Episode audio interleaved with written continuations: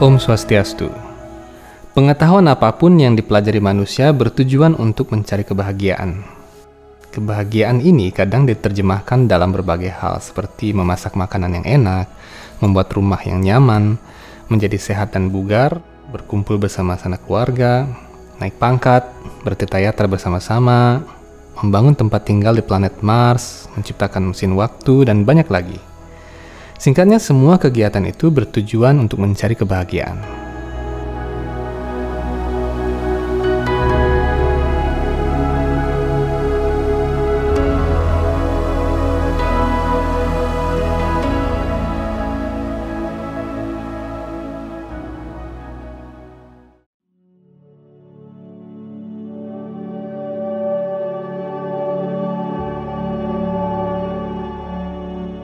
Ketika seseorang sakit, dia meminta pertolongan dokter, balian, atau siapa saja. Dokter akan memberinya obat dan berangsur-angsur kondisi badannya membaik dan dia menjadi bahagia. Akan tetapi seseorang yang memahami makna kehidupan mencari kebahagiaan dengan cara lain, yakni kebahagiaan bersama Tuhan yang kekal. Itulah sebabnya dia senantiasa sibuk dalam menjalankan amanat agama. Ketika dia sakit, dia berdoa kepada Tuhan, dan ketika dia sehat, dia bersyukur dan kembali sibuk dalam kegiatan-kegiatan yang berdasarkan dengan Dharma.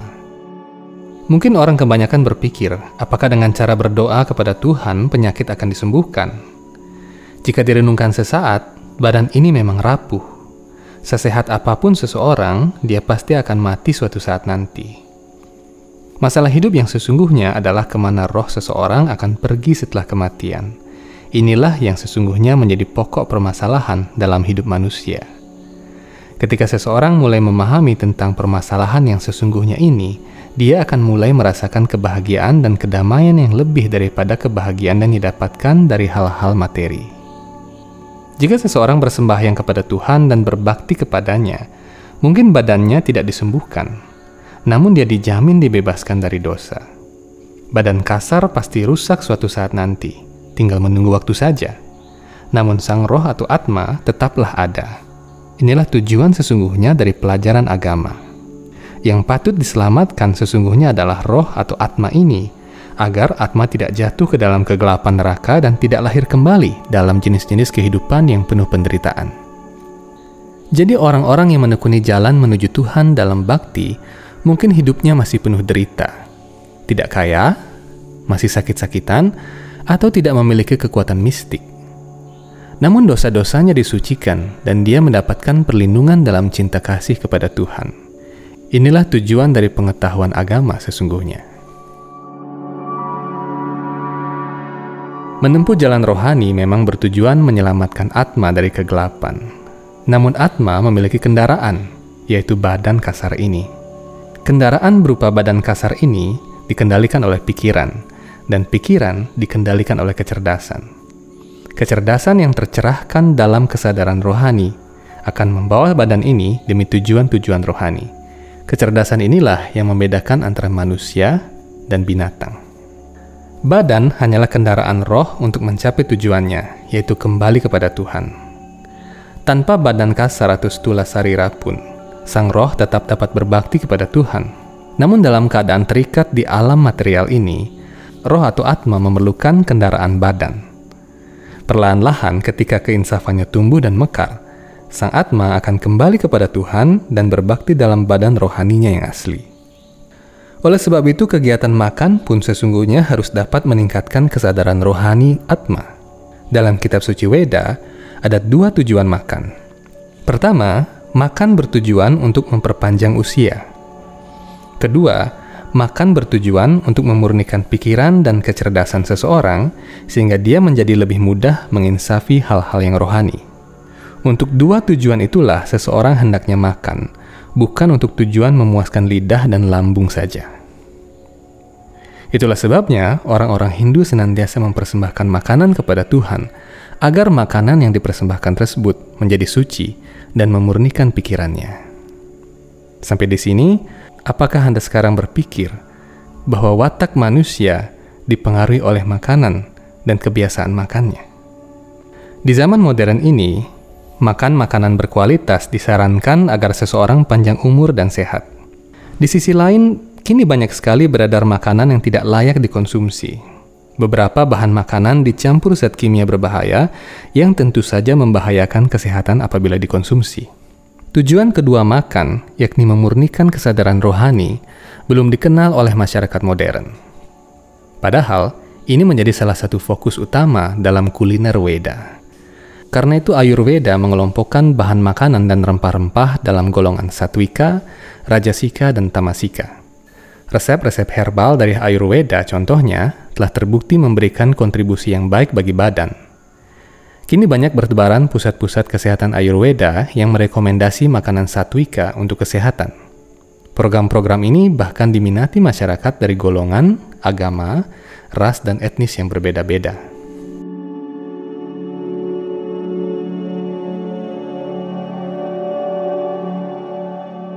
Berdasarkan kemampuannya untuk memurnikan pikiran dan kecerdasan seseorang, makanan dikelompokkan menjadi tiga jenis, yakni satwika, rajasika, dan tamasika. Ketiga jenis makanan ini, sebagaimana disabdakan oleh Tuhan Sri Krishna dalam Weda Bhagavad Gita, dimaksudkan untuk orang-orang yang berbeda. Orang yang satwam atau orang yang ingin hidup rohani dan menekuni ajaran spiritual dianjurkan memakan makanan satwam atau satwika. Makanan satwika adalah makanan yang diperoleh tidak dengan jalan himsa karma atau pembunuhan. Bagaimana makanan diperoleh juga mempengaruhi kualitas makanan itu. Walaupun sayur-sayuran tergolong satwam, apabila sayuran itu didapat dengan cara mencuri atau merampas hak orang lain, kualitasnya menjadi tamas. Makanan yang didapat dengan jalan himsa karma atau pembunuhan dan cara-cara yang keji pasti mengandung kualitas sifat kekerasan dan kecemasan, yakni rajas dan tamas di dalamnya, sehingga kurang baik dimakan bagi mereka yang menginginkan kemajuan spiritual. Hendaknya jangan disalahartikan bahwa ketika seseorang mulai makanan-makanan satwam, dia seharusnya menjadi orang sabar, pengasih, lembut, dan tenang. Terkadang orang yang memakan makanan satwam, namun gaya bicaranya tegas dan keras, malah dipermasalahkan. Ini adalah paham yang keliru. Keras atau tidaknya watak seseorang tidak dipengaruhi oleh makanannya saja. Kemajuan spiritual tidak hanya dilihat dari gaya bicara atau sifat seseorang. Seseorang yang spiritual bisa saja tegas, namun ketegasannya digunakan untuk mendidik anak-anak atau bawahannya agar senantiasa bertugas dengan baik. Maksud makanan satwam, rajas, dan tamas adalah kemampuan makanan itu untuk menjernihkan pikiran dan kecerdasan seseorang sehingga memudahkannya memahami pengetahuan rohani. Seseorang bisa marah, namun pikirannya tetap pada jalur demi tujuan yang baik.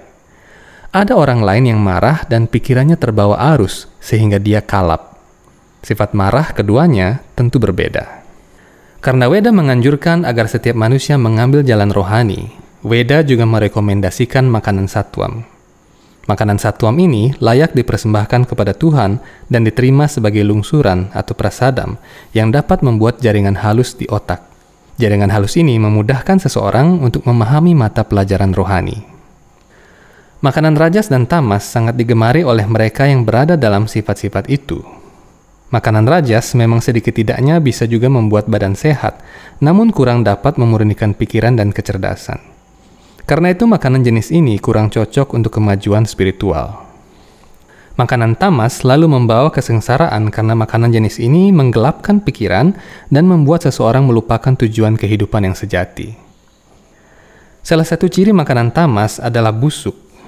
Dewasa ini di beberapa negara telah beredar makanan yang berbahan dasar kotoran, bahkan kotoran manusia. Di Indonesia mungkin tidak terbayangkan, namun nyatanya sudah beredar. Makanan seperti itu sangat tamas sehingga menyebabkan seseorang tenggelam dalam kesadaran yang gelap. Tubuhnya mungkin sehat, namun kecerdasan rohaninya akan menghilang.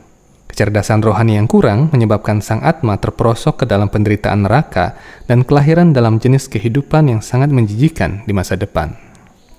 Jika seekor kelinci putih bersih memakan kacang polong dan Anda menemukan butiran kacang polong dalam kotorannya, sudikah Anda menggoreng lalu memakannya? Namun kenyataannya, makanan jenis ini ada dan laris. Spesies binatang tertentu dipaksa memakan buah berbiji keras, lalu ketika biji-biji itu tidak tercerna dan keluar dari duburnya, biji-biji itu dikumpulkan, dikeringkan, dihaluskan, dan dijadikan minuman hangat berharga ratusan ribu rupiah. Konon, minuman itu sangat menyehatkan dan membuat awet muda. Belakangan, Inggris melarang impor minuman itu karena protes dari yayasan pecinta hewan yang melakukan inspeksi ke produsen minuman tersebut. Ternyata binatang-binatang malang itu dikerangkeng dalam kandang sempit dan dipaksa makan agar bisa terus mengeluarkan biji-bijian yang tercampur kotoran mereka. Makanan sisa metabolisme tersebut mungkin masih ada zat gizinya, namun manfaat spiritualnya nol. Masyarakat manusia yang kian hari kian merosot akhlak dan moralnya disebabkan salah satunya oleh bahan makanan yang tidak berkualitas secara rohani. 20 tahun lalu, murid-murid sekolah tunduk kepada guru pengajarnya. Kini, murid di sekolah menantang gurunya, berfoto selfie bersama gurunya, bahkan membunuh guru pengajarnya. Ketika disurvei, kebanyakan anak-anak itu jarang sarapan di rumah karena malas sarapan atau karena orang tuanya tidak memasak. Pertanyaan selanjutnya, di mana mereka mendapatkan makanan? Bagaimana kualitas makanannya? Siapa yang memasak makanan itu? Dari mana dia mendapatkan bahannya? Kesimpulannya, jenis makanan tertentu diminati oleh orang-orang dengan sifat dan tujuan berbeda. Orang yang ingin maju rohani akan mempraktikkan ahimsa atau hidup tanpa kekerasan. Mereka memilih makanan satwam, Sedangkan orang yang ingin maju dalam siaran ekstrim di TV bisa saja memakan batu dan minum minyak tanah. Makanan yang berbeda membawa hasil yang berbeda. Makanan juga bisa meningkatkan kejernihan pikiran dan kecerdasan seseorang dari kegelapan menuju sifat yang terang. Semoga video ini bermanfaat untuk Anda dalam memilih makanan Anda sehari-hari. Semoga dengan video ini kita bisa memilih jenis makanan kita dan menjadi umat Hindu yang senantiasa meningkatkan serada dan bakti kita. Sampai jumpa dalam video-video Hindu Times channel selanjutnya. Om Santi Santi Santi Om.